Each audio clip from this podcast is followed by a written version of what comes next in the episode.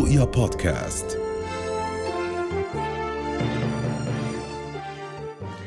خمسين ألف امرأة حامل في قطاع غزة وسط نقص في أهم الإمدادات الطبية. حديث ريناد خشان مع وزيرة الصحة الفلسطينية دكتورة مي الكيلي. سعد صباحك ريناد ولضيفتك صباح الخير لك يعني نترحم في البداية على شهدائنا الأبرار الذين فقدوا حياتهم بسبب الاحتلال الغاشم. هذا المحتل الذي يقصف كل شيء بما في ذلك المشافي ودور العبادة ويقتل حتى الأجنة في بطون الأمهات. سنتحدث اليوم عن واقع النساء الحوامل في قطاع غزة.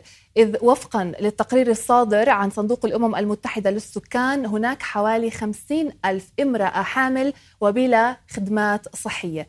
هؤلاء النساء يعشن في ظل القصف الإسرائيلي المتواصل والذي يجبر العديد منهن على مغادرة المنازل والإنجاب على الطرقات أو في مراكز الإيواء دون رعاية صحية. ضيفتي اليوم معالي وزيرة الصحة الفلسطينية الدكتورة مي كيلي يسعد صباحك دكتورة وأهلا وسهلا فيكي يسعد صباحك و... يعني المنظومة الصحية دكتورة في قطاع غزة على شفا الانهيار. أعداد الشهداء والجرحى لا يمكن حصرها. هناك خمسين ألف امرأة حامل وبلا خدمات صحية. صحيح. من خلال عملك ومن متابعتك لما يجري هناك بداية كيف تقيمين الوضع الصحي في الوضع الصحي وضع كارثي. يعني ويزداد كل يوم أكثر كارثيا عن اليوم الذي يسبقه. يعني كما تحدثت في المقدمة هذا العد... إسرائيل تقصف كل شيء. الشجر والحجر والبشر والأجنة زي ما تفضلتي. وبالتالي منتوج هذا الحكي دمار كامل لا يوجد بنية تحتية يعني تدمر البنية التحتية حتى لو وجد مستشفى. أحيانا لا يوجد طريق وسبيل للوصول إلى المستشفى. الحقيقة الوضع كارثي من كافة كافة المستويات إضافة للبنية التحتية وقصفها. هناك نقص في المواد المواد الطبية كلها سواء كانت مستلزمات طبية أو أدوات أو معدات أو أدوية، الأدوية المهمة جدا الآن أصبحت مفقودة، أضف على ذلك انقطاع الماء والكهرباء.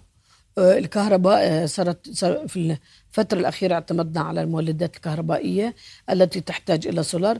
الآن السولار أيضا مقطوع. يعني إحنا عندنا 12 مستشفى بصباح هذا اليوم خارجة عن الخدمة من أصل 35 مستشفى في غزة. اخرها المستشفى الإندونيسي دكتورة. اخرها المستشفى الإندونيسي صباح اليوم يعني فجرا أصبح ما فيش فيش سولار وبالتالي انقطع عنا الكهرباء. والكهرباء ضرورية في المستشفيات أكثر من المنازل لأنه اولا كل المعدات اللي بيستخدموها بالمستشفيات هي تعتمد على الكهرباء. غير الإنارة وغيرها أيضا الثلاجات تعتمد على الإنارات على الكهرباء.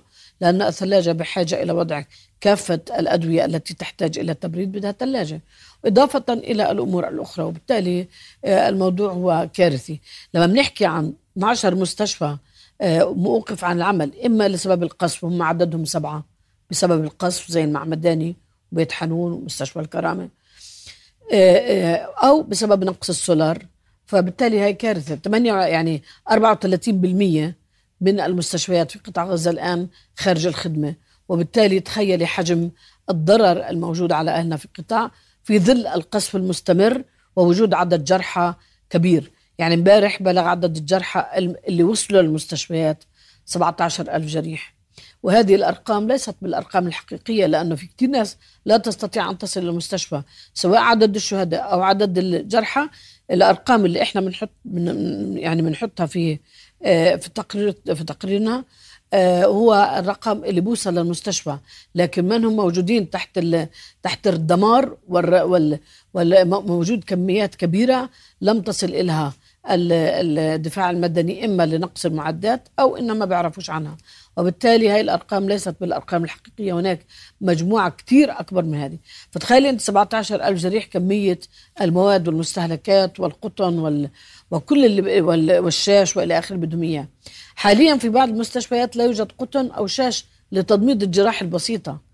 حاليا في بعض المستشفيات الأطباء ورأيناهم على شاشات التلفزيون وعلى ال social media عم بيعملوا العمليات على على إنارة ال- على التليفون. التليفون وبدون تخدير أيضا. وبدون تخدير نعم. فبالتالي هي كوارث. نعم دكتورة يعني لنخصص الحديث عن حال السيدات الحوامل في قطاع غزة في ظل صعوبة الوصول إلى المستلزمات الأساسية وفي ظل آه، نقص آه، المتابعة الطبية أيضا. نحن عندنا خمسين ألف حالة كما تفضلتي آه، ولكن خلال هذا الشهر بولد آه، 500 5500 امرأة نعم. يعني 5000 امرأة رح تولد في مكان غير آمن. مما يعني يعكس ذلك على حالتها الصحية وعلى حالة مولودها. وبالتالي نحن اجتمعنا مع ال UNFPA اللي هي ال- ال- الأم صندوق الأمم المتحدة للسكان اللي يعني هو مسؤول يعني صاحب الولاية عن هذا القطاع الفني عن هذا القطاع فنيا وتمويليا.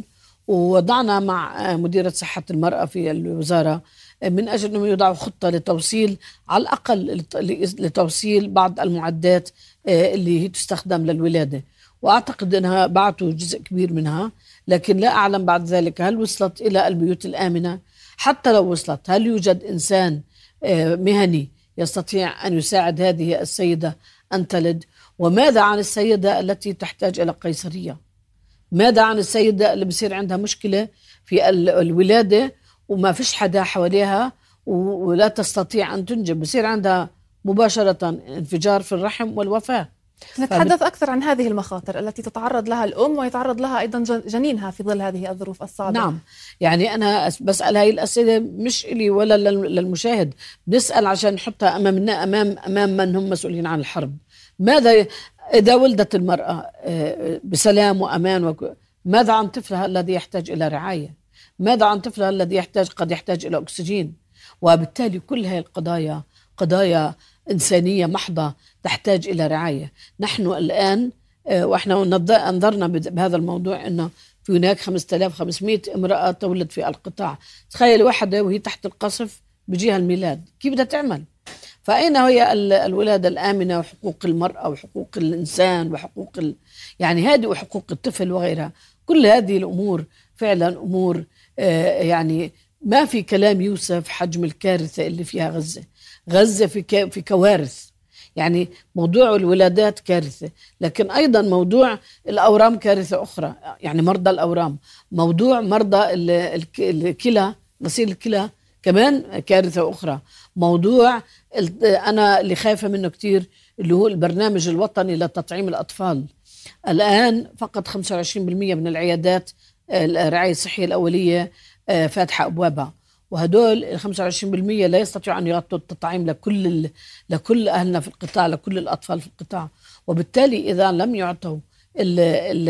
اللقاح اللي هو حسب التطعيم البرنامج التطعيم الوطني رح تبزغ هناك مجموعة كبيرة من الأمراض نعم. مثل الحصبة شلل الأطفال السعال الديكي وغ- والجدري وإلى آخره فبالتالي نحن يعني مقدمين نعم. يعني الكارثة الموجودة حاليا لا تكفي لأنه إحنا مقدمين على كوارث أخرى تبعيات هذا الحرب. للأسف يعني.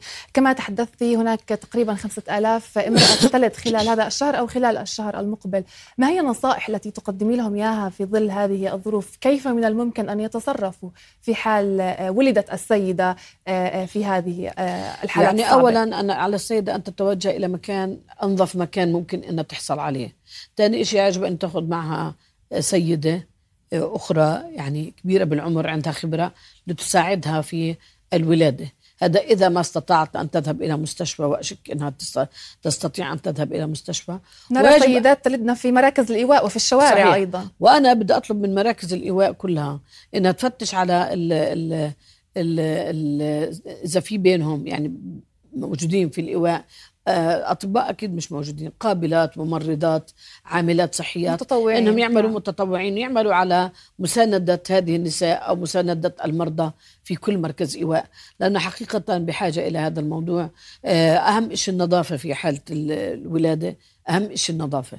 يعني البيئة النظيفة بقدر ما تستطيع إنها يكون بيئتها نظيفة ويكون معها حدا مع العلم هلأ ما. في نظافة ما في رعاية صحية ما ما, في. في أدوية في ما عندنا في شيء. مشكلة مشكلة كبيرة بال بالصحة العامة نعم. إحنا يعني اولا بع- بعدم وجود مياه صالحة للشرب بعدم وجود مياه مصادرها مش معروفة وم- وم- ومياه غير غير نظيفة بيستخدموها الناس الموجودين بالإيواء إضافة للاكتظاظ الموجود في الإيواء إضافة لقطع الكهرباء إضافة لعدم وجود آه، أكل كافي كل ذلك يبزغ يبزغ من وراء ذلك مجموعة من الأمراض مثل الجدري والآن أصبح هناك في بعض مراكز الايواء الجدري وفي كمان آه، في كمان آه، مرضى الجدري والجرب في إسهالات وفي أمراض جهاز تنفسي.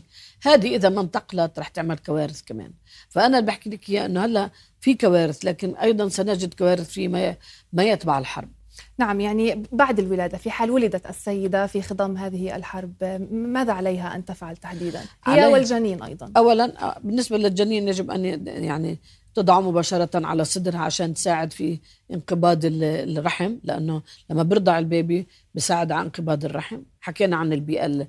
البيئة النظيفة نعم. ثانيا تعمل مساج لبطنها إذا كانت لحالها تعمل مساج لبطنها عشان تقلص من الرحم. يعني يصير في رحم الرحم يعني يدب زي ما بيحكوا بالعامية يدب عشان ما يصير عندها نزيف نعم. بعدين آه، تعمل نظافة شخصية لها بقدر ما تستطيع وتهتم بالأكل لأنه مهم كثير عملية الأكل شكرا لك معاليك على. جل هذه المعلومات. نتمنى يعني أن يفرج الحال علينا وعلى أهلنا في قطاع غزة وأن يتوقف شلال الدماء.